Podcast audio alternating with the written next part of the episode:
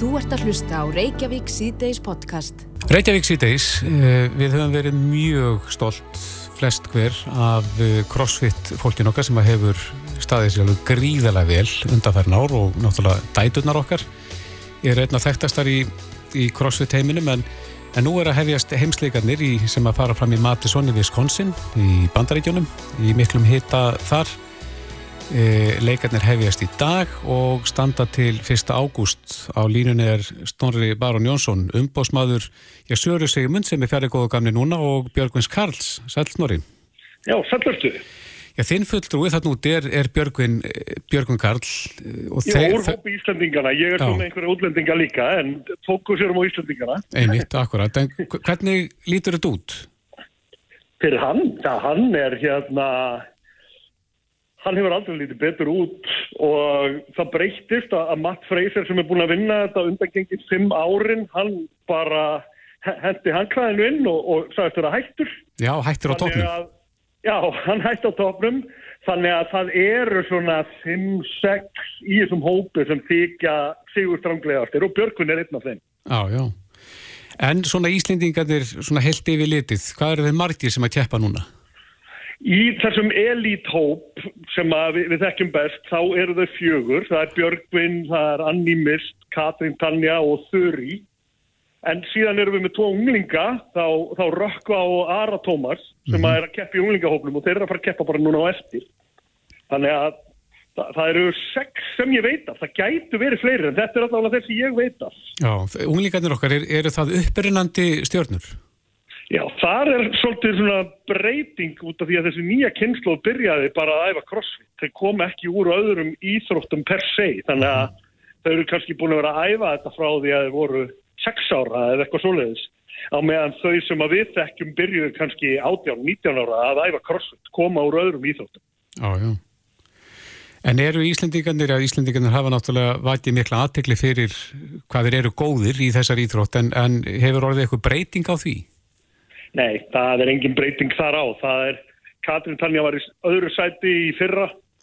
Uh, Björgvin hefur alltaf verið einhver staðar nálat, hann hefur alltaf verið á topp 10 nema fyrsta árið sem hann kæfti sem á 2014. Mm -hmm. Leiti hefur hann alltaf verið á topp 10, hann hefur tviðsvar verið á palli í þriðja sæti og sama gildir, Anni hefur unnið þetta tviðsvar, Katrin Tanja hefur unnið þetta tviðsvar, Sara hefur tviðsvar verið í þriðja sæti það er alveg klátt mála að það er svona, það er alvöru legacy frá Íslandi í þessari Ísland og Íslandingarnir eru litnir halkjöru hotnöga þannig að það er, fólk er að fyrða sig á því hvað er það sem er að gerast þetta á Íslandi Hvað er í íslenska vatninu?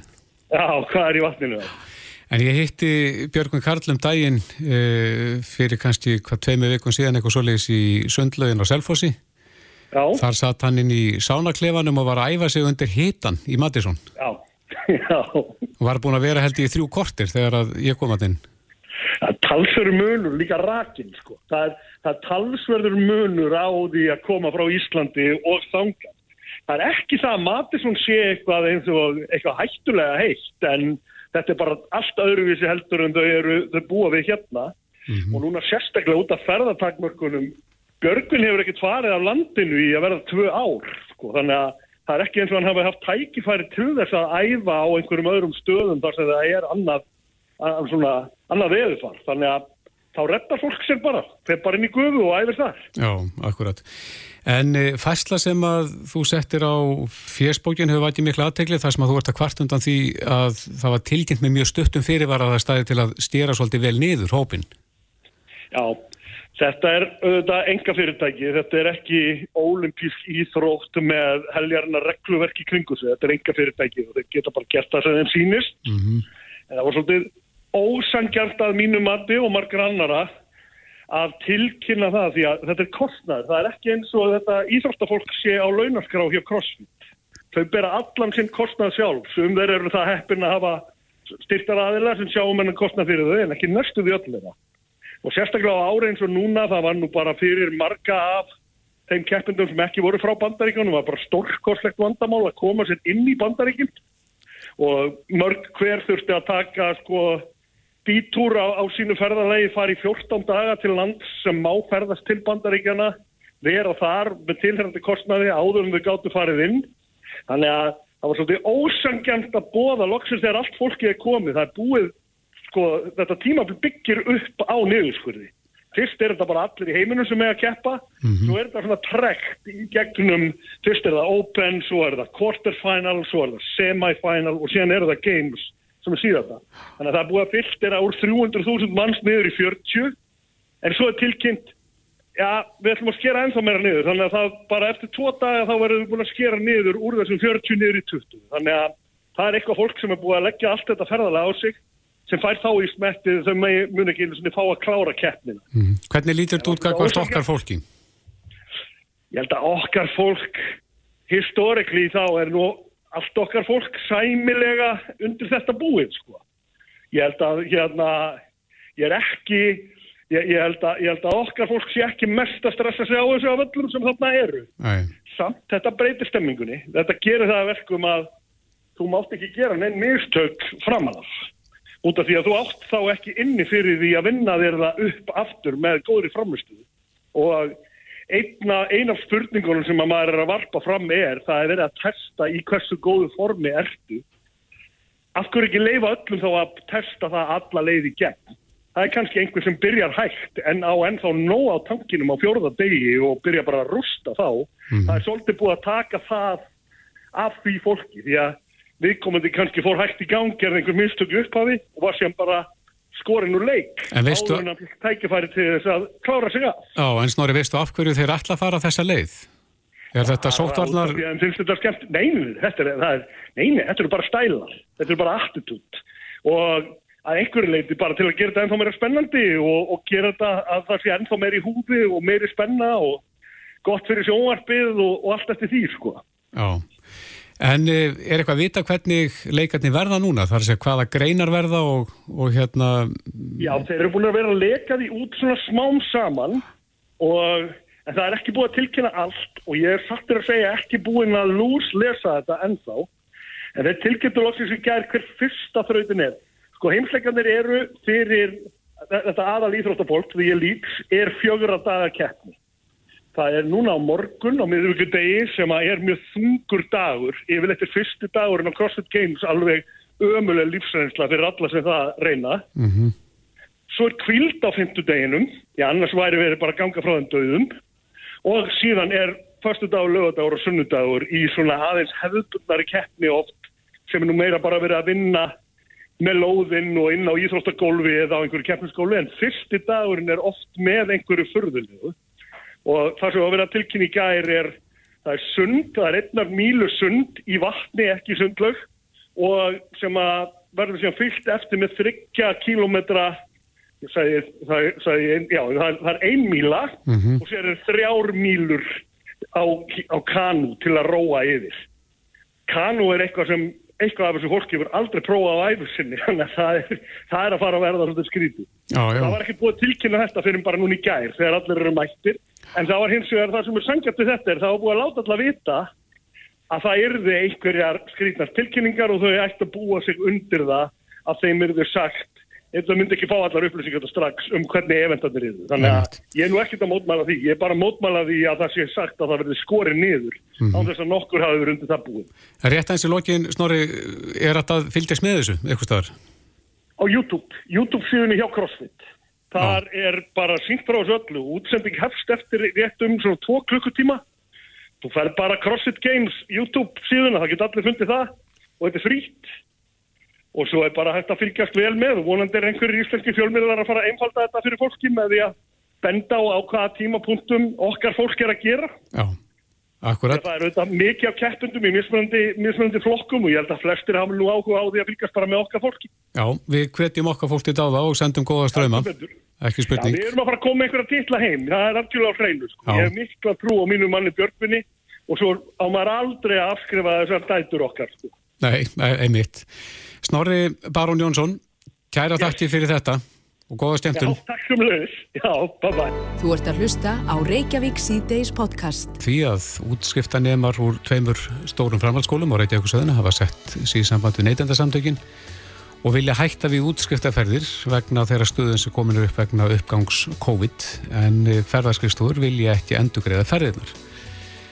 Og uh, þetta er eins og áður segir komið inn á borð neytendasamtakana Breyti Karlsson, formaður þeirra samtaka er á línni uh, eru þessi málað sprett upp aftur núna eftir að fjórðabildjan fór á stað?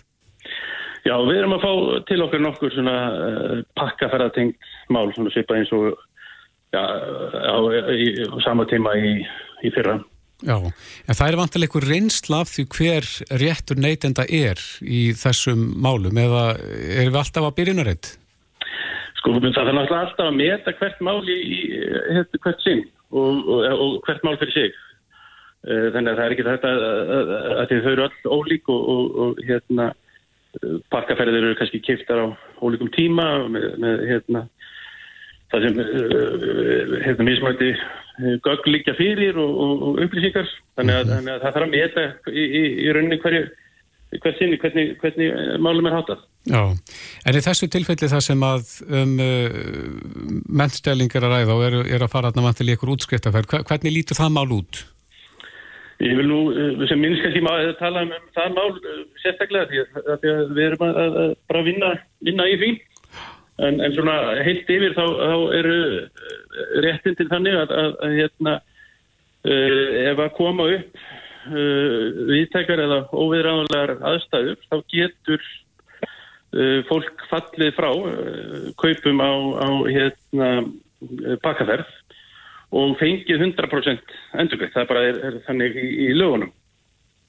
Suma, og, og, og fólk hefur verið núna undarfærið að, að leita til okkar og, og fá upplýsingar um uh, réttindi og, og hvernig lögin eru og við vorum mynd að setja á vefn hjá okkur uh, upplýsingar hvernig fólk getur uh, hver réttindi fólk sér og hvernig er best að snúa sér viljið fólk hérna, hætta við af einhverjum ástæðum. Mm -hmm. En stifti máli hvenar ferðin er keift? Það er að segja, við vitum alveg hvernig staðan er í heiminum í núna, heiminum núna. Það eru löndur ímist græn, guðlega, rauða, hvernig sem það er. Mm. Uh, á fólk að vita þetta þegar það kaupir sér þessa ferðir, að það getur bröðu til begja vona? Nei, þetta er rétturinn til þess að afpanta með, með, uh, og að fá endurgreitt að fullu. Uh, velturinn mitt af þessu, það getur orðið meðal annars af þessu. Það er að segja aðstæði þegar þú kaupir miðarna á, á bæði aðstæður á, á áfangastað eða aðstæður í heiminum eða, eða, eða aðstæður hér heima og við höfum séð núna á undarhörnum dögum og, og, og örfáum vikum að já, það er að aukast verulega smitt bæði hér heima og, og víða erlendis og það getur haft áhrif á réttindi fólks til þess að falla frá uh, ferðum og fá endurgreitt. Það skiptir ekki máli hvort að ferðin sé farin, hvort að það sé flóið að við komum til staði og engar lokanir og annað slíkt? Ek, ekki þegar það kemur að, að, að pakkaferð. Eh, það er að öðruvísi reglur þegar það kemur að, að bara flugferðum. Eh, um pakkaferðir gilda eh, sér lög, lögum pakkaferðir og samtíkta ferðarfjölmstu og þar eru er réttindi fólks mun skýrari heldur en þegar einhverjum er um flugaræða eða, eða eitthvað slíkt. Mm -hmm. Hafið þið fundað með þessari ferðarskriðstofu sem umræði hér? Nei, við stefnum að því að funda með þeim á morgun. Já, og hvað viljið þið fá á þeim fundi?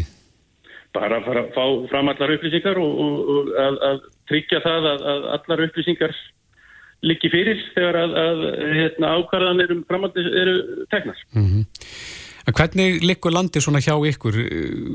Í hvaða málum er þið helst að vinna núna og hafi verið að vinna undanfalla mánuði? Þetta er vantilega eitthvað breyst eftir því þegar það er aðeins slakað á klunni?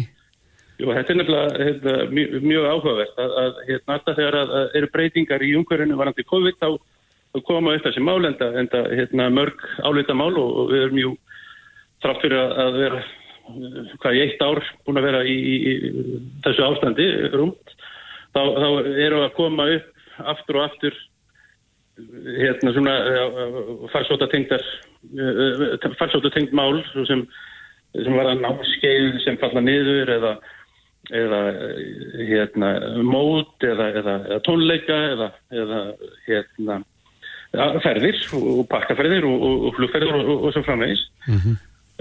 það sem hefur kannski líka verið undarferðir svona áður en að þessi ja, nýja bylgja mála kom hérna til okkar þá hafa verið svolítið um, um, um gafabref uh, hótela.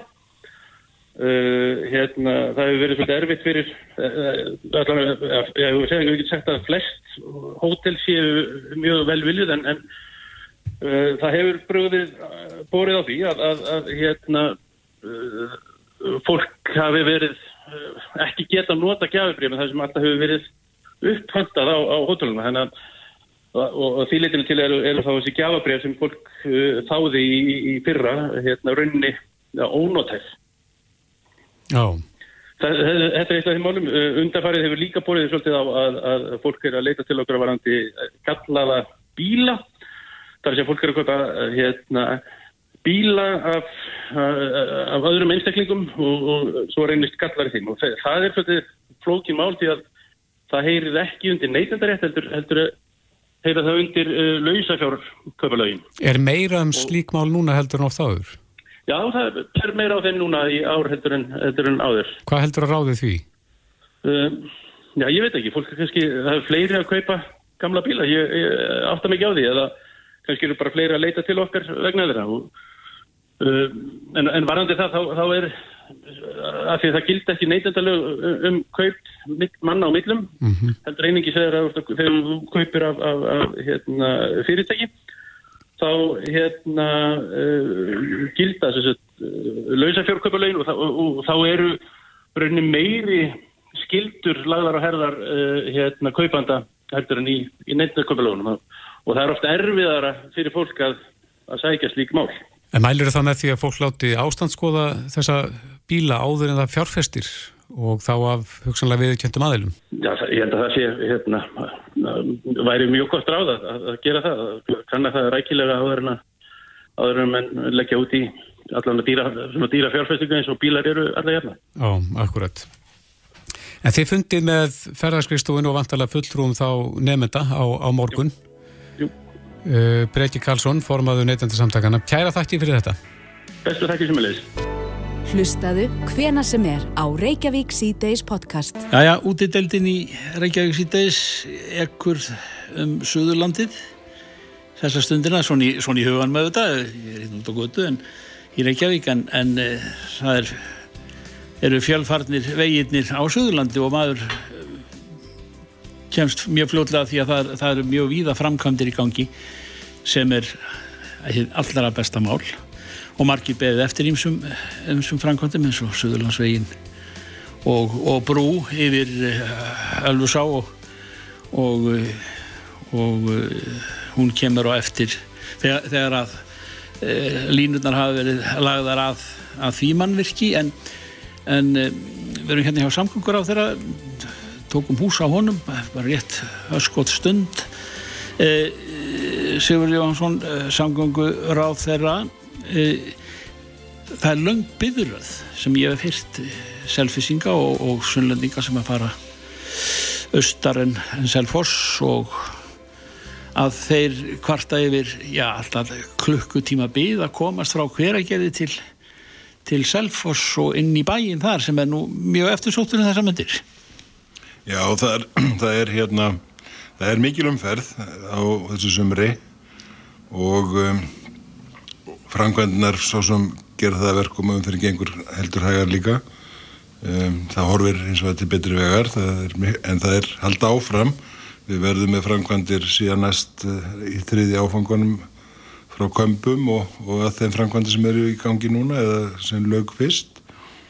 Um, og síðan erum við búin að koma brunni á dasgrá þannig að hún verður bóðin út vantanlega um áramótin næstu og þannig að henni, hún mun verða tilbúin um leið og vegurinn er klár sem er talsveit breyting frá því sem var þegar ég kom inn í ráðanitið þá átt að byrja á henni þegar allt hitt væri búið mm. þannig að það er búið að flýta henni um nokkur ár mm.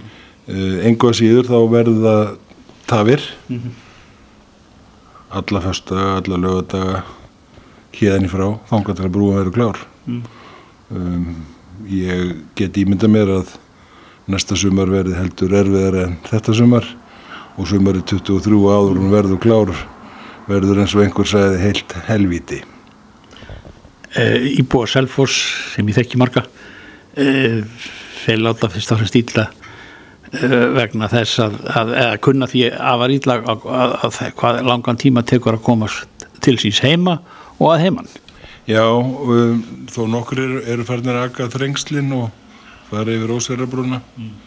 og ég er svona á vona því að umferði muni dreifast á alla þá valkosti sem menn geta farið mm -hmm. eins þeir sem eru þá að fara í uppsveitinar muni jafnvel þá frekar velja að fara nesifællalegina eða ekki síst bara þingvallalegina mm. þannig að ég á svona vona því að umferði muni leit, reyna að leita þessa jafnvægis mm. e, þanga til að, að öll þessi mannverki frá Reykjavík, Östur og Selfos verður klár mm. sem að er ekki fyrir 24 mm. En nú þegar maður fer yfir Selfosbrúna kannski sentum síðir á leið Östur e, já, til þess að, að vera í Selfosbæi e, kannski nýja miðbænum sem er mjög eftirsóttur þá mætir manni ringtorg þegar maður kemur yfir og það svona það hægir mjög á, á þeirri greiðvikni sem gæti verið ef, ef að þeir, þeim tappa er þið kannski aðeins betur stjórnað. Já, ég hugsa að það þurfa að skoða hann. Uh, það hefur auðvitað líka þrengt aðeins að vegna framkvæmdana við miðbæinn en, mm. en þeim er nú að ljúka og, og einmitt glæsilegur miðbæður og eftir svona verðt að heimsækja hann og mun sjálfsagt draga enn fleiri að og auka umferðina en, en uh, við hefðum vissulega þurft að vera í þessum framkvæmdum fjórum, fimm árum fyrr en það er nú svo margt sem að hérna, við getum sagt um það en ég held að á þessu kjörtiðanbili höfum við náða að spýta eins mikið í lóana eins og hægt er mm -hmm. eins og þú nefndir upp að við að þá eru, eru gríðarlega mikla framkvæmdir viða á þessari leið en það er líka á Kjálnesi, það er líka á Reykjanesinu mm -hmm. Reykjanesbrutinni, það er líka á Vesthjörðum og það er líka viðsvegar um landi þannig að, að eh, við höfum svona náðað spýta verulega í lóana mm. en umferðin vex svo sannarlega líka með okkur Eru eru ferðamenn farnir að setja sitt marka á þetta, erlendi ferðamenn já, í uppsveitum á Suðurlandi? Já, það, ég held að það sé farin að sjá þá bara mjög víða. Ég var nú sjálfur í hestaferð fyrir einhverja viku síðan inn á Hálendinu og þar var mikið af, af erlendum ferðamennum mm -hmm bæðið að keira og, og ganga og, og einhverjir voru hespæki líka mm -hmm. En þau eru, við vitum öll e, að vexummerkin eftir eftir, e, já fyrir COVID í, í vegakerfinu er kolluðu náttúrulega eins og þú og fleiri hafa e, bent á að að það, það, að það er eiginlega endurreist helbir hérna vegakerfisins sem er sem er ljós meira að minna. Brekkun, brúa alls konar leiðir tengdar og, og sem, sem er gerir göttuna greiðari fyrir, fyrir alla þá sem að koma til með að fara um landið á komandi árum. Er við, hversu vel eru við að koma inn á veg, veg með það að, að í, með grundvallar kerfið Við erum komin uh, nokkuð vel á veg. Við erum sannlega búin að tvöfalda fér til framkvæmda. Við erum búin að meir en tvöfalda það sem við kallum til viðhalds mm. sem er nú svona hluta til líka nýframkvæmdir á, á svona minnakerðum vegum. Um, þar til viðbótar eru við með þessi samfunnu leiðarverkefni sem að brúin fellur undir sem við tökum svona út fyrir svega uh, og náum að framkvæma þau samhliða. Og síðan ofan í þetta allt saman þá eru við auðvitað með þessa miklu framkvæmdir hér á höfuborgarsvæðinu, bæða stoppbrutum og í almenni samgöngunum og svo er sundabrautin e, og sundabrúin hér fyrir hugu þannig að á næstu 10-15 árum þá verður hér gjör bilding á samgangum á, á landi. Mm. eh, Ári hvaði Sigurður eh, eh, kostningar framundan verður nokkuð manna rætt en COVID það er erfitt að koma einhverjum málum að svona eðlilega sem menn setja sér inn í? Nei, ég held að það sé alveg rétt að, að hérna, COVID hefur uh, svona, yfirtekið alla umræðu og, og okkar verkefni meira og minna í núna í 16 mánuði og við sjáum að við erum ekki enn við erum ekki enn laus við þetta fullu og við erum kannski núna svona ákveðin krossgötum. Bólusetningarnir hafa gengið vel og hafa skilað okkur þeim árangri að, að þrátt fyrir að smitt greinist í ómiklu mæli að þá eru veikindi ennþá allavega að sjá minni og vonandi helst það. Og þá sjáum við fyrir okkur að bólusetningarnir hafa skilað þeim árangri. Um, þannig að við þurfum svolítið að horfa það. Og ég er alveg samfarið um það að, að, að kostningarna munu þar lendi svolítið snúast um það hvernig tókust við á við COVID, hvar verðum við stödd í september mm. og hvernig sjáum við fyrir okkur framtíðina um, eftir COVID sem að verður vonandi kemur fyrir sena.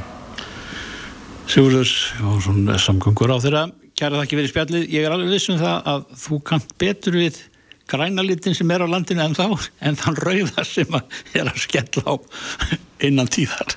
Já, það, það er alveg rétt grænliturinn, hann, hann gleður mann sérta held í allara Takk. Takk sem Þetta er Reykjavík C-Days podcast. Jæja, ég veit að það eru margir sem ætla að vera faraldsvæti þráttur í stöðu faraldusins en, en uh, útilegur eru alveg mögulegar um, um Vestlunumann helgina þó að úti hátýr hafi verið blásnar af í þess hvar. Einar Sveinbjörnsson hjá veðurvaktinu og blika.is er á línni, sæl. Já, kontur sæl. Já, hvernig blasir veðri við okkur uh, um helgina? Já, ég var nú bara að segja að það spáin er hagstæð. Já, allstaðar. Ég er svona auðvitað misgott þess að gengur og gerist en, en e, það er spáð svona heilt yfir bara góðir á landinu þessa daga. Já. Og e, það er svona lítið að gerast, e, frekar hægur vindur, stundum er aðeins norrlægur. Það gætur eitthvað skúrir á Suðurlandi, einhverja af þessum dögum þá síðdegi skúrir en, en að mestu liti bjart. Suðurlandi er nú reynda búið að fá nóga vætu? Já, núna síðustu þrjá dagana. Já. Já, en, en þar, þar á undan voru 60 dagar með lítilvættu, svona cirka. já, já. Nei, nei, ég, ég, ég, ég segi svona sko, en, en eh, ég prófaði að ganni sko að það er, það er hægt á tjaldveðrin og blíku að, að stilla inn og velja tjald, tjaldsvæði eftir veðri. Já. Og ef þú tekur förstu dag til mánudags yfir helgin að þá kemur tjaldsvæði í húnaveri, það er á toppnum. Já, er, er þá tekið mið af sólastundum eða hýta? Eða... Það er tekið mið af, af skíafari, sól og vindi. Já, já. Og sérst og úrkomi horfum. Og gefin ákveðin einhvern. Þannig að það er að segja tjálsvæðið í húnaveri er efst og svo kemur tjálsvæðið á flúðum mm -hmm. og það er á eftir klettusreikir. Þannig að þetta er náttúrulega dreift um landið. Er þetta ný þjónustinn á bliku? Nei, nei, hún, hún, hún, hefur, hún hefur verið alveg frá því að þessi tjáltugur var settur í loftið í fyrrasumar. En ef við tökum eins og að förstudag til sunnudag sleppu frítagi vestlunamanna þá rafa tjálsvæðið sér e, í eftir sætum sem er á Suðurlandi. Já. Flúður og útlýð og svo hrannis. Já, já. En hvað er, er mestu líkur á vætu þá eins og segir sídegi skúrum þá á Suðurlandi? Já, það er, það er helst sko fyrir norðan og hann er aðeins norðan í honum þannig að það verður svalara þar og geti orðið þokulott við ströndina eins og frá Húsavík og Tjörnesi og Östur og Fyrði. Mhm. Mm ekki þó samfelt og það, það þýðir það að það er aðeins svalara en, en hægur vindur og gott viður og eins vestur og fjörðum og það er, þegar það er svona lítið um að vera þá er það nú fallegustu dagarnir þar það sem reyfir ekki vind mm -hmm. í stóli hjallana En hvað með Östurland það sem hefur nú verið hita bylgjan ánast í allt sumar? Já, sko þeim, þeim, þeim tíma er, er lokið sko með 20 til 25 steg að hita Já, en, eftir nema Nei, einmitt, við getum alveg verið að tala þannig sem aður um ágættan sumarhita og, og í, í meðalagi eða ríflegu meðalagi ástímas mm -hmm. og þar skiptir eiginlega mestu máli hvort að sólinn ái í gegn. Hvað hann er að, skí, hann er að skína þá er hitting komin í 15-18 stygg en ef hann leggst yfir með þóku þá er þetta ekki meira en svona 9-12 Já, en svona heilt yfir litið að þá verður bara skaplegt veður núna næstu daga og, og um helgin á landin öllu Já og það sem, mestu, það sem líka skiptir miklu máli er að þeir sem er að ferðast með ferðavagnarna sína þeir þurfa sennilega ekki að hafa einsmiklar áhyggjur og stundum í sömar að vindi. Mm -hmm. þannig að það, það er til friðs og, og, og ég bara með að við eðaspána þá ættir nú bara umferðin að dreifast út um alla trissur Einmitt. Gott að heyra fínar fréttir á þessum degi Einar Sembjörnsson hjá veðavaktinu og blika.is það er það kíkin á bliku og fyrir þá sem eru á e, og verða á tjaldferðalagi sko, skoða bestu staðina. já, það, er, það er eitt af því sem hægt er að stóða það eru spár fyrir alla hérna, öll tjásæði landsins 180 talsins eitthvað svolítið Já, gott er, kæra þætti fyrir þetta einar. Takk, takk. Bless, bless. Reykjavík síðdeis á bylginni Jæja, Reykjavík síðdeis, það fer ekki fram hjá fólki svo þau vonbreyði sem að komin eru upp varandi gagsimi bóluefna að því er virðist og bólöfni virðast ekki vera að veita einsmikla vörn og vonast var til eða hvað. Við erum komin í samband við Ingilefi Jónsdóttur sem er professor í ónæmisfræði við Háskóla Íslands og deildastjóri á Íslenskri erðagreiningu. Kom til sæl. Kom til sæl. Ja, hvernig metið þú stöðuna sem komin er upp núna og er, er þetta minni vörn heldur en búist var við? Uh, bæði já og nei. Ég myndi segja að auðvitað vombriði að við sjáum svona mikið smiti í samfélaginu mm -hmm. en það má ekki gleyma því að bólöfnin eru öll að veita mjög goða vend gegn alvarlega sjúkdómi, gegn sjúkrásinlegn og gegn dauða. Þannig að í þeim rannsóknum sem hafa verið byrtara þá er vendin svona frá 80 upp í 90, 85 upp í 95% mm -hmm. eftir þær bólusetningar gegn þessum alvarlegustu formi en miklu minni eftir uh, einn uh, sjúkdóm af deltaðabrennu. E, en samt sem áður að þá erum við sagt, að sjá þetta mikla smitt og það er meira heldur við byggust við en það kemur samt ekki endilega óvart. Því að í öllum rannsóknum þá á bólefnum áður þau fengu leiði til nótkunar að þá kom fram að vend gegn smiti uh, eða engina litlu með engina lausinsúkdómi var miklu minni, kannski 50, 60, 70% heldur en vend gegn alvarlega sjúkdómi sem var þá um og yfir 90%. Mm -hmm. En núna þegar við fáum þetta delta-abriði sem er svona miklu meira smitandi að þá uh, er vendin sagt, gegn alvarlega sjúkdómi áframgóð en vendin gegn smiti er ennþá minni heldur gegn upprannlega abriðinu og ég held að enginn hafi séð það fyrir að það væri svona miklu meira smittandi og, og drefði sér svona miklu meira til þeirra sem eru bólusettir heldur en við hefum séð áður. En það kemur heldur ekki óvart að þeir sem eru bólusettir geti síksta verunni, það hefur verið síkt með fyriraldriðum, þeir bera hana skemur, þeir bera minna veru en þeir geta samt smittað og nú þeir eru með meira smittandi afbriði sem að fjölga sér miklu meira í nákokinu að þá sem sagt er þessi vel gegn smiti en þá minni heldur en við höfum sáum áður sko. Þannig að þetta er vonbriði en kemur ekkert alveg á óvart, kannski magnið en ekki í prinsipi að við sjáum sagt, að bólifættir geti búið smitt. Það mm vissum við fyrir en það er meira heldur við sáum fyrir. Og ef við hugtum bara um sko, bólefni frá Pfizer sem hefur nú sínt sig vera kannski það bólefni sem veitir uh, hvað best ónæmisvar að þá er vend gegn smitti þar í rannsum í Ísæðileginum að rétt um 40% mm. meðan við hefum kannski búist um að væri meira 60-70 En veiran er eh, vantilega að reyna að viðhalda sér og er að breyta sér stöðugt eh, Já. hvernig er hún í dag þar að segja hvernig er hún að leggjast á óbólusetta? Sko það er eh, upplýsingar sem að sína það að hún er ekki bara þetta deltaafrið er ekki bara meira smitandi heldur að líka að valda alvarleir sjúkdómi hjá óbólusettum og eh, er líka að síkja yngra fólk, kannski bara vegna þess hvað hún er meira smitandi. Þannig það er eitthvað sem við þurfum að hafa áhugjur af.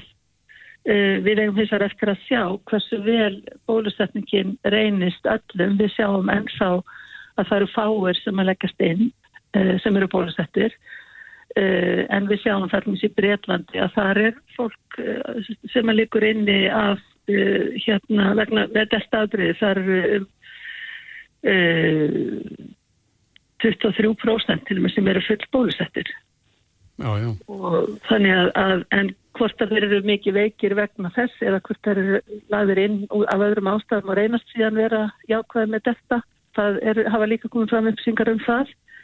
Þannig að þess að skipti máli núna þarf að sjá hversu margir veikjast alvarlegar og í hvaða hópum þeir eru og það sem maður hefur náttúrulega mestar ágjör að vera að einhverja af þeir sem eru eldri eða myndur í getið sjúkdóma sem almennt hafa uh, verið minna varðir heldur en uh, bólusettir í held að einhverja þeir eigi eftir að veikjast alvarlega. Það verður við að sjá á næstu vikum og þess vegna held ég að það er mikilvægast að núna sé að auka bólusetningar eins og hægt er. Bólusetja hópar sem að hafa beðið eins og barsafandi konur sem að búið að tilkynna og byrja núna í vikunni. Mm -hmm. en þetta er búið að byrja að bólusetja ólinga sem fyrst og gefa öllum sem fengu Janssen eitt skamt, uh, gefa þeim annan skamta Janssen eða skamta Pfizer. Og líka í rauninni að bólusetja áhættu hópa sem eru aldraðir eða myndilegita sjúkta með þriða skamta Pfizer því það líka fyrir niðurstöðu sem sína að það gefur mjög góða raun í að hækka þessi hlutlesandi mótefni sem skipta mestu máli til að venda okkur. Hvað með börnin? Það er þessi yngstu hópana sem að fara nú hvaða hverja byrja eftir í skóla? Já, ég held sko það er náttúrulega búið að leifa bæði fæðsebólefni og moderna í Evróp og bandaríkanum fyrir 12-15 ára og rannsóknir síndu að þau sagt, svara bólefnu sambarilega við þá sem eru ungir og fullornir og aukaverkanir eru ekkert algengari nema að það sem ég veit að stjórnvöld hér hafa áhugir af og hefur kannski árið þess að þau hafa ekki ráðlagt bólusendingar úrlinga ennþá nema bara þeirra sem eru með undirlegjandi sjúkdóma uh, að það eru þess að sjálfgjafu uh, aukaverkani hjartaðaða bólka og gottsósbólka sem eru sérst mjög sjálfgafan en koma helst fram í ungum kallmennum en þegar að smiti er orðið útbreytt að þá fyrir maður að veta stöðuna öðruvísi heldur en þegar við vorum með náðast ekkert smitt fyrir örfáðan vikum síðan og nú erum við að tala um að búa það í bólusetningu eftir að skólanir byrja en ég held að vera mjög mikilvægt að reyna að gera það áður en að þau koma saman og fyrkast inn í skólana. Mm -hmm. Er það þín skoðan að það ætti þá núna að, að kalla þá úr sumafríum þá sem að stóðu hérna í brunni og bólusettu 20.000 fyrir sumafrí? Það getur verið þeir, það getur verið uh, starfsfólk uh, úr skólunum, uh, skólahjúknarfræðingar, það er hægt að fá saman teimi af fólki til þess að bólusetja þrjá árganga af börnum með svona tiltölega litlum fyrirvara hefði ég haldið ef að mann telja það vera brí. Mm. En við viljum allavega ekki fá smittin í skólana og þess vegna þurfum við líka að, við þurfum að verja bæði starfsfólk skólana og starfsfólk helbriðstjónustunar og, og félagsstjónustunar þá sem að annars sko hérna uh, þá sem eru lasnir og, og, og veikir fyrir. En meðan að börnum eru óbólusett þá þurfum við líka að tryggja sagt, uh, smittvarnir og, og verja landamærin betur. Mm -hmm. Ég held að það myndi skipta máli upp á vörn fyrir úlinga og börn. Ef að ákvort er að bólusetta það þá myndi ég gera það þrejum fjórum vikum áður að skólanir byrja en ekki eftir að þau hafa komið saman í skólanum. Já. Þannig getur við líka varið yngri börnin sem ekki fá bólefni strax. Það eru það er í gangi á bólusetningu barna frá 5 til 11 ára en vantilega verða þau ekki bólusett fyrir en það er niðurstu líka fyrir og leiði hafa verið veitt fyrir þann aldursóp og það getur tekið einhverja mánuði viðbót. En uh, framleiðsla bólöfnum er vantilega ennþá í fullum gangi. Er það minna að, að taka mið af þessu nýja delta afbríði við fra, þá framleiðslu? Uh, já, það má segja að það er byrjað að framleiða afbríða bólöfnum bæði Moderna og Pfizer og AstraZeneca. Uh, Moderna og AstraZeneca eru búin að gera bólefni fyrir söðrafíska beta aðbriði sem er nú lítið hér og lítið nörður Örbu en Pfizer er búið að búa til fyrsta tilnaskamt af uh, bólefni sem byggir á delta aðbriðinu og beinist á genuverð og fyrir spækprótinu úr, úr delta aðbriðinu og það er að byrja í kliniskum prófunu núna í ágúst. Þarf það að fara í gegnum alla þessa fasa áður en að það verður þá samþygt? Nei, það er sérst eh, bæði lífastofnum bandaríkjan og Evrópu settu reglur í februar, hann hvaða gott fyrst að leggja fram og það þarf að sína fram á sérst fasa 1 og 2, það þarf að sína fram á öryggi, það þarf að sína fram á að það myndist eh, mótefnarsvar og eitthvað tíafruminsvar og sérstaklega þarf að sína fram á að mótefnins hlutlesi, þess að hindri veiru innrás af þá delta aðbyrðinu á sambarðan hátt eins og upprunlega bólefni gerir gegn upprunlega aðbreðinu. Já, en mér heyrist á... Skemmri, skemmri í þennu tími en tekur samt einhverja mánuði. Mm -hmm. En mér heyrist á því reyngilega að, að þetta sé nú ekki eins slæmt eins og svona margi vilja vera láta. Uh, sko staðan er slæm og hún hefði geta verið betri ef við hefðum kannski skýrna lengur á landamærunum uh, en við máttum búast við að þetta aðbreði bærist inn en að það væri svona bráðsmittandi eins og það er. Það kannski sáum við alls ekki fyrir og niðurstöla á ekki fyrir um það þegar svo að hvernig var tekinn. En uh, ég held að þannig vombriðin eru tölverð að vera allt í nú komið smittum all land en mhm. ég held að staðan sé góð vegna þess hvað við höfum bólusett mikið og að við getum haldið áfram að bólusetta þá stóra hópa sem eru eftir.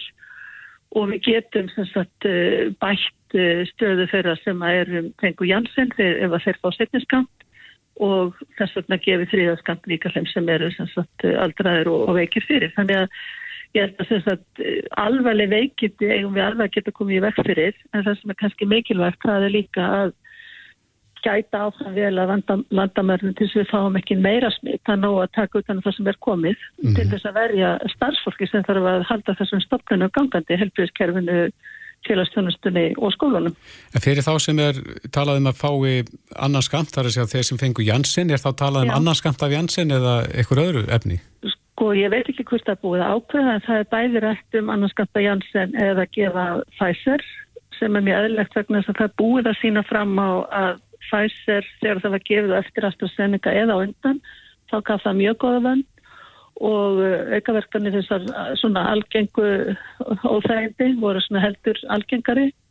Uh, hitti höfverkur og beinverkur og slíkt en engin alvarlega geti uh, það líkur ekki fyrir fyrir semst Janssen en Janssen er samskona bólefni þess aðstafsveninga þannig ég held að við höfum heilmikið af gögnum. Fyrir utan að það eru óbyrtaneðistöðu sem að þau sem að eru nú í stöðu við samráði við hérna eftir því stofnun og yfirveldum að þann heim hafa kannski meira um heldur en almenningur Uh, en síðan er Janssen með stóra rannsókn í gangi þess að þeir kefa annan skamt uh, með 12 veikna millibili og uh, það er ekki búið að byrta það en það var 30 manns og mér finnst mér líksett að það er niðurstu komið núna alveg á næstu veikum. Einmitt. Ingi Leif Jónsdóttir, professor í Jónamisfræði við Háskóli Íslands og deildarstjóri hjá Íslenskri erðagreiningu. Kæra þakki fyrir þetta. Já, takk samanlega. Á Bilginni podcast. Kulið og umsjónamenn Top Gear þáttarins, bílaþáttarins eru komið til landsins og fluttu með sér eh, tvö tonn af búnaði fyrir upptökur hér á landi en uh, svo greinir morgunblæði frá því eða mbl.is að uh, kvartmílu klúpur hefur bóðað til sandspilnukeppni eða bóðaði til þeirra keppni í hádegin í dag í Hjörlefsauða og segja hér að um sé að þetta kvikmyndaverkefni á vegum BBC fyrir Top Gear Nú þeir vitna hér í sérfræðing hjá umhverjastofnun sem að segjast í samtali við MBL efast um lögmætti keppninar en stofnunin lítur ólólegan utanvegakstur alvarlegum augum. Á línunni er Guðmundur Guðjónsson, svo kallað location manager eða tökustæðastjóri fyrir þetta verkefni. Kom til sæl? Já, sæl. Þú vinnur fyrir... Svo sem ekki alveg staðfesti fyrir hverja við erum að vinna en við erum að vinna kvikundutökuverkefni við Hjörlustöða. Já, uh, True North sem að þú vinnur fyrir. Já, akkurat. Eh, en eh, það er talað hér um ólöglegan gjörning, er, eh, tekur undir það? Nei, alls ekki og, og hérna, hér er um, um einhvern miskilningar ræða, við erum náttúrulega bara að sviðsetja hluti eins og við gerum í, í kvikmyndageiranum, að þá eru alls konar viðbyrðir sviðsettir og það er það sem er eigast í staði hérna við hjörlusæðið í dag. Já, er, er sem sagt ekki þá um utanvega akstur að ræða sem slíkan? Nei, nei, alls ekki. Og, við erum hérna í góðri samfunnu við landeigundur og, og hérna erum náttúrulega að vinna þetta í, í nánu samstarfi við þá um, um hvernig öllu er til að hátta hérna. Og þetta eru hluti sem við hefum gert ofta áður hér bæðið við hjörlusöða og fleiri stöðum mm -hmm. við um land þar sem að, að hérna eðlilega fylgir okkur starf sem einhver, einhvert rask. En við göngum náttúrulega frá í samræmi við bara að samkóla okkar við landið þetta. Mm -hmm. ja, þið þurfið ekkert sérstakt leifi frá umhverju stopnun eða tilkynningu þangað inn? Já, þegar við erum að vinna í fríðlandi eða þjóðgarði, þá vinnum við það náttúrulega sjálfsögðu með hérna, viðegandi aðilum. Mm -hmm. Og hérna erum við bara að vinna í, í samstarfi við landeiganda og, og hérna frá, erum með leifi frá honum og leiðum landið honum í þessum tilgangi og, og komum svo til með að skila landinu í sama ástandi og þegar við tókum við því. Já. Er þetta miskilningu þá, það sem að komið fram í fréttum, varandi leifismál og annað slíkt? Já, Já algjörlega og við, við höfum alltaf verið og, og erum í góðu samstarfi við umhverjastofnun alltaf þar sem við erum að vinna og, og við höfum verið í, í, sam, í, í samtöfu við þau hérna í tengslu við þetta verkefni og, og erum með leiði fyrir kvikmyndutöku þar sem að leifi frá þeim er, þar sem það er þörf á leifi frá þeim. Já, akkurat. Er mörg verkefni í gangi hjá eitthvað núna, hjá Trúnorð? Já, það hefur, hefur bara uh, gengið vísna vel hjá okkur undanfarið, þrátt fyrir heimsvaraldur og, og annað að þá hefur verkefnastafan bara verið mjög góð og hérna, við bara, okkur hefur gengið mjög vel að hérna, ná verkefni til landsins og það hefur bara staða Íslands hefur, hefur hjálpað til með það. Mm -hmm. Hvernig verkefni er þetta? Er þetta kvikmyndaverkefni eða auglýsingar, sjómanstættir? Það, það, það er samblanda af, af þessu öllu, bæði kvikmyndir og, og hérna, stórar og smáar og auglýsingar og, og, og fleira. Já, en ertu á tökustað núna?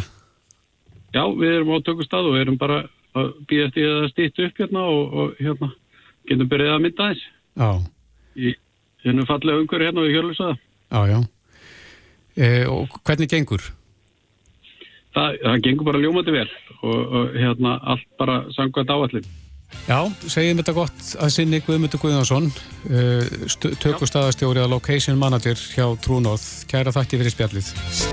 Reykjavík síðdeis á Bilginni podcast. Það er að segja nýjust útgáfuna sem að hann eh, segir að eigi eftir að breyta öllu. Það er að segja þessi nýja útgáfa. Þetta er aldrei bilding fyrir okkar starfi í smittarkningateiminu, segir hann. En eina vandamálið er að fólk er ekki að uppfæra gamla appið. Það hangir ennþá með app sem er rauninni hægt að, að nota. En á línunni er Ólafur Ragnarsson, verkefnistjóri hjá Embætti Landlækni sem við hefum rætt áður við um þetta smittarkningar app. Kom til sæl? Já, kom til sæl. Já, við höfum rætt áður um þetta app sem að er allt öðruvísi heldur en appi sem við kynntumst í upphafi og en eina vandamál er að fólk er ekki upphæraða. Já, það hefur verið aðeins búrað því og við höfum fengið fregnir af því að, að fólk var ekki að uppfæra yfir í nýjútgána sem eru með kannski slögt á sjálfvirkum uppfæslum mm -hmm. og við kvetjum þá fólk til þess að kíkja bæði á Android og iPhone til þess að uppfæra. Já, förum aðeins í stuttumáli við að hvernig er þetta app frábröðið gamla appinu? Eh, gamla appi byggðist á GPS-tekninni og var því að rekja ferðið fólks en þetta nýja app, það byggir á þessari svo kallu Bluetooth-tekni sem að Apple og Google bjóð upp á og þar sem símar er að skiptast á svona liklum og það er algjörlega ópersonu greinanlegt og ekkert að rekja ferðir fólks eða vita neitt hvað það var með þessari tekní. Mm -hmm. Þannig að ef að eitthvað síkist og um, ég hef verið í námynda við þennan síkta einstakling, þá fæ ég tilkynningum það að ég sé útsettu fyrir smiti. Já, mögulega útsettur fyrir smiti. En fáið þið þá upplýsingar um nafni mitt að, að ég sé þarna í þessum hópi? Nei, við höfum ekki hugmynd um það og þú veist heldur ekki hvaðan þú fegst þessa tilkynningu en þú gæti kannski haft grunum það að þú hafi verið í þessum einhverju veistlu eða eitthvað. Mm -hmm. En, en við höfum ekki hugmynd, hugmynd nema ef þú skráir þið hins vegar í svo kalla smitgátt út frá appinu þegar þú fær tilkynninguna þá, þá getur þú skráðið og þá ertu að skráðið með auðkynnaði með símanúmerinu þínu og, og skráði að byrja kennitöluna þínu og með íslenska kennitölu og, og, og nafnið þitt og annað. Já, já. En þá færðu líka búið í, í sínatöku. Mm En er þið einhverja tölur þar að segja að það voru góð viðbröð við fyrsta appinu sem að, sem að hérna var gefið út en, en vitið þið hversu margir eru komnir með nýju útgáfuna? Já, við sjáum þetta svona nokkurn veginn. Þetta er, er, það eru cirka 180.000 til 200.000 manns með appið. En það eru líka erlendi ríkisborgara sem hafa verið að koma hingað til landsins. Þeir hafa verið að sækja appið. Þannig að hérna, við kvetjum alla til þess að kíkja hvort þið séu með appið og ef ekki, endilega sækja það og líka kanna hvort það sé komin uppværsla vegna þess að við lendum líka í smá vandraði með útgáfuna fyrir iPhone Mm -hmm. að hérna það fengu á margir tilkynningu Já. Er þetta, er komið reynsla á svona app uh, erlendis? Já, breytar eru búin að nota þetta mikið uh, þeir hérna og senda fólk í, í sótkvímir ef það fær tilkynningu. Og þetta hefur gefist vel. Þetta er þetta tækni sem að byggir á Bluetooth sendistyrk. Þannig að þú gætir fengið tilkynningu ef þú setur sikkur, ef, við, ef við setjum sikkurum megin við gler mm -hmm. ég stend fyrir utan eitthvað kaffihús og þú situr fyrir innan og ég, svo fer ég og, og hérna, sendi liklana mína því að ég veikist þá gæti þú fengið tilkynningu. Já, að ég sé þá hafi verið útsettu fyrir smiti já, þó að já. glerið sé þarna millin Já, já, þetta er alveg aðeins sem geta gerst og þetta er náttúrulega eitthvað sem er tekið með í reikningin þegar að þess vegna setum við ekki fólk í sóttkví við það að fái tilkynningu heldur ingungu þessar sóktlu smitgátt þar sem að þú ert beðnum að fylgjast með enginunum þínum og, og ef þið grunar eitthvað að fara þá í sínundöku og svona vera varkar. Já, eru þetta til náttúrulega bæði fyrir Android og, og iPhone síma? Mm Og þið hvetið þá fólk vantarlega, þá sem er að hlusta núna til þess að kanna það í símónu sinu hvort að það sé með nýjustu uppfæsluna? Algjörlega, opna, opna hérna, í iPhone opna app, store appið og leita að rakningsi 19 og kíkja hvort að standi uppið og það standur uppið endilega smetla það. Og eins í Android að kíkja í Play Store og átta hvort að það sé með rétt útgáfuna. Já, akkurat. og þeir sem eru náttúrulega ekki með það endilega sækja það. Þetta er algjörlega ópersónugreinalegt og, og rakningadegimi bindur mikla vonir við að geta nýtt þetta. En þess að nú líka er fjöldin mikill sem er að greinast og það er erfitt að rekja ferði fólks Mm -hmm. smitrakningin er þingri núna heldur en hún var áður Heldur að spil inn í að fólk sé hugsanlega hrætt við að vera sett eða sendt í sótkví ef það nær sér í þetta app? Að það ekki líkurnar á því? Nei, ég held ekki ég, ég, ég held að við séum öll tilbúin til þess að hjálpa stað og hérna, eh, ég trúi því allavega og hérna og það er einhverja aðra ástæði fyrir að fólk er ekki búið að sækja appið sjálfsagt, ef það er ekki með það Ólafur Ragnarsson, verkefnastjóri hjá ennbætti landlæknis, kæra þattir fyrir spjallið. Við skulum vona það sem flestir í þeim mista kanni málið í sínum tækjum. Algjörlega, við hjálpumst að klárum þetta Bless, bless. Þetta er Reykjavík C-Days podcast. maður getur nú ekki neita því og þegar maður er á förnum vegi góður í stegi í júlimánuði 2021 í Reykjavík. Að maður finni fyrir svona já, svona spælelsi. Menn eru svona gangabáknir í baki í dagmarkir hverjir yfir þessum fregnum af ófjöldinu COVID-inu sem að knésettur okkur aftur að því er virðist og, og þetta er svona ekki alveg hrein framönda en, en það eru kostningar framöndan sem að verða í haust og það er nú uppi orð um það hér og þar hvað eigi að ræða það er ekki drætt um annað í samfélagin en, en COVID en, en samt er það nú þannig að þeir sem er í, í fylkingabrjósti hjá þeim sem koma kostningar heilmikið við og, og mæna á þær eins og Helgi Pétursson formöður landsambags eldri borgara Eh, það verður væntanlega rætt það sem að lítur að elstu kynnslóðum þessar samfélags og uh, því er ekki að neyta að, að, að, að menn er að, að skrifa um það hvort það sé ástæði til þess að, að eldri borgarar efni til eh, frambóðs svo lítill er nú áhugi á, á betrum bótum af þeirri stöðu sem að mjög margir eru í. Það er auðvitað, það er auðvitað stór merkilegt álgera að sko við sem erum 60 ára og eldri í þessu þjóðfélag erum 75.000 manns. Og uh, það er einhvern veginn eins og að, að það þurfi að sækja alla hluti með, með svo mikill í hörku að, að maður þurfi eiginlega að setja þjóðfélagið á, á kvolf til þess að til þess að sé bara svona aðeins deplað auga.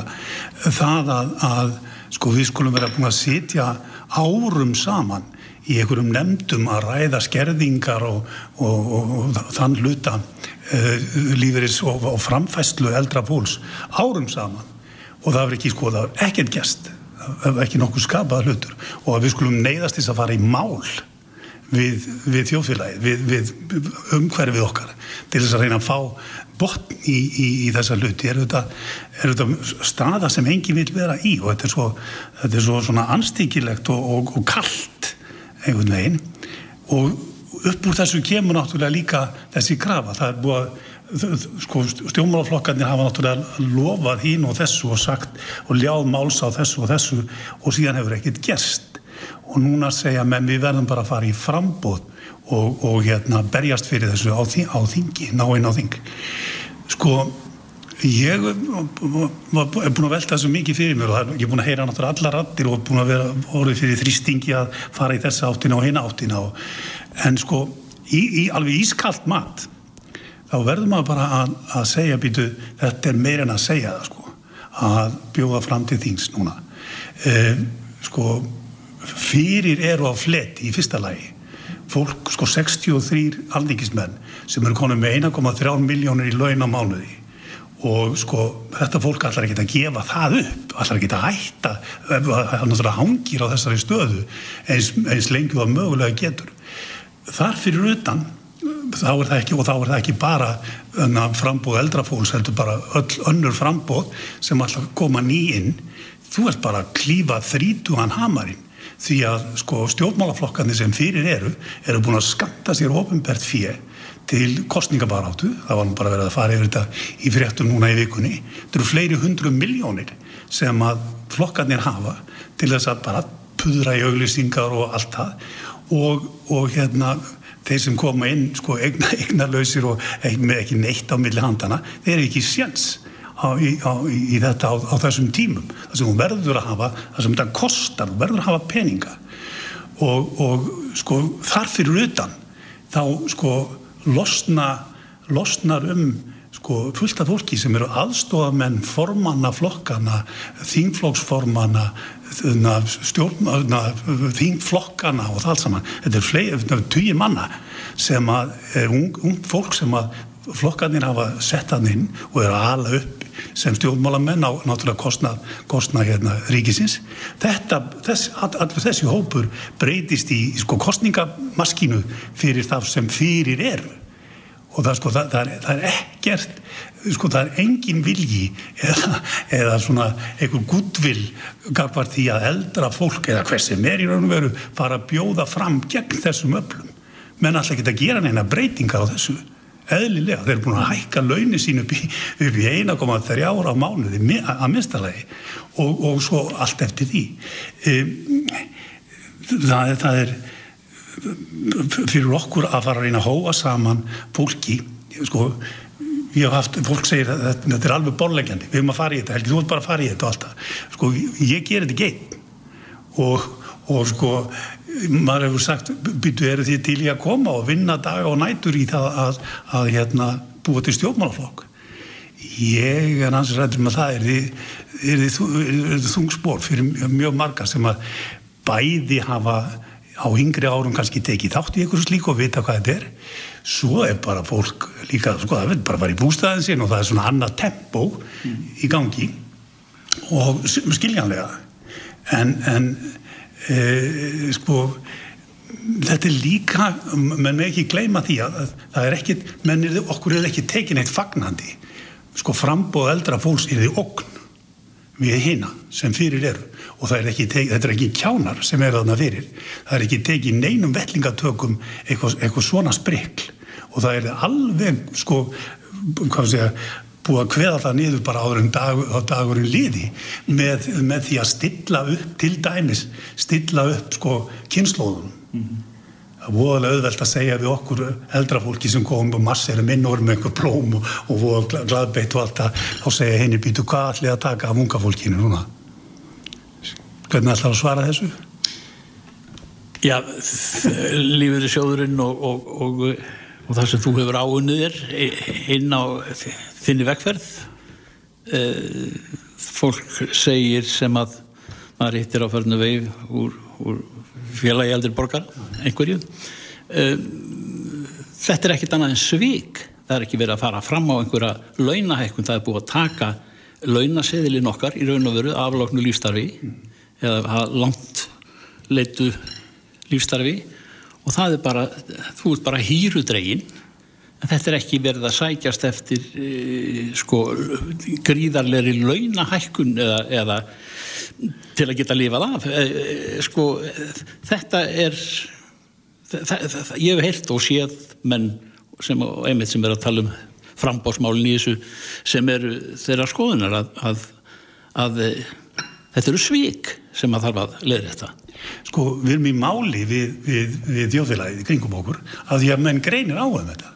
Það er bara fullt af fólki hínum einn sem segir þetta er bara alveg þetta er alveg eðlilegt ástand eins og það er.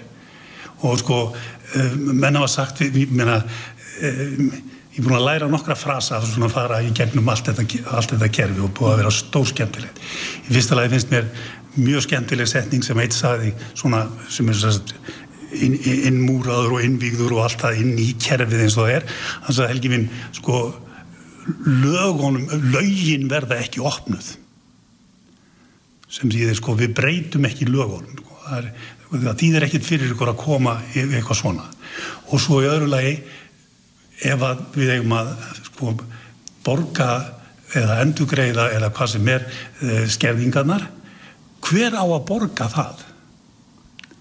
Já, fyrir þýfið hver á að borga það, segja menn skilur það er, það er þessi hugsunaráttur sem við erum að, að, að berjast við menn mönnum finnst þeim vera alveg fullkomlega eðlilegu og bara fínu róli að taka þessa peninga af lífristegum mm. þennan skerf mm. og nota hann bara í eitthvað annað á þess að spurja nokkuð mann Tíu flokkar í frambóði, við þurfum að tala um þessi hugsanlu frambóð eldri borgara um, er einhver þeirra sem er með þetta á darskrá? Hefur þið tekið eftir því? Já, sko, nú, nú kemur að því, nú kem, kemur að því. Við erum búin að fara, við samþýttum mjög fína áallun í fimm liðum um bara yfir það sem við ætlum að berjast landsafnöld eldri borgara næst á næstu árum og erum bara komið með það nýra á blad og erum búin að fara og kynna það fyrir öllum stjórnmálflokkunum, fyrir verkalýsnefingunni, sveitafélagunum og öllum saman. Og menn eru yfir sér rifnir, alveg bara tárast af rifningu hvað þetta er, hvað þetta er flott og hérna, vel gert hjá okkur. Hvað af þessu ratan síðan inn í einhverju umræðu það á ég eftir að sjá og við erum að segja við okkar fólk núna fylgisti með stefnusgrám flokkana fariði inn í flokkana ykkar því það hafi verið að taka þátt og allt það og fylgið þessu eftir fariði þarna inn og kom reyna að koma þessu á daska það er í raunum reyna eini sjensin sem við höfum núna. Ég veit hins vegar ekkert hvernig þessi kynnslóð okkar mun breyðast við einhverjum enduteknum svikum. Sko kynnslóðin sem var undan okkur hún, hún svona bara þáði það sem aðinni var rétt og það allt saman. En við erum að koma við erum að koma allt öðruvís aðeins og ég veit ekki alveg hvað, hvað, hvað, hvað þólimmæðin verður mikil. Það er svolítið spennand að sjá það. Helgi Pettersson uh, uh, frambóð svona já það er, er þið þyrnum stráður leið, vegur segi ég, uh, en það er ímislegt sem að er svona síður á svona undir niðri.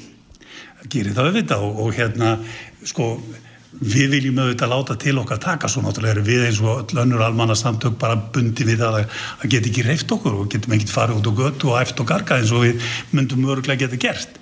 Og erum miklu líklegri eins og ég segi til að gera það. Ég veit ekki hvað verður um það sem kallað er svona uh, hvað heitir það, civil obedience uh, uh, bara að, að hérna þú veist, menn hafa verið að láta sér þetta í hug alls konar hluti það sem við getum látið til okkar taka. Og ég, við skulum sjá bara hvort það kemur ekki eitthvað út úr því. Helgi Pétursson, formadur langsamars Eldri borgara, takk fyrir. Takk sem hún leðisur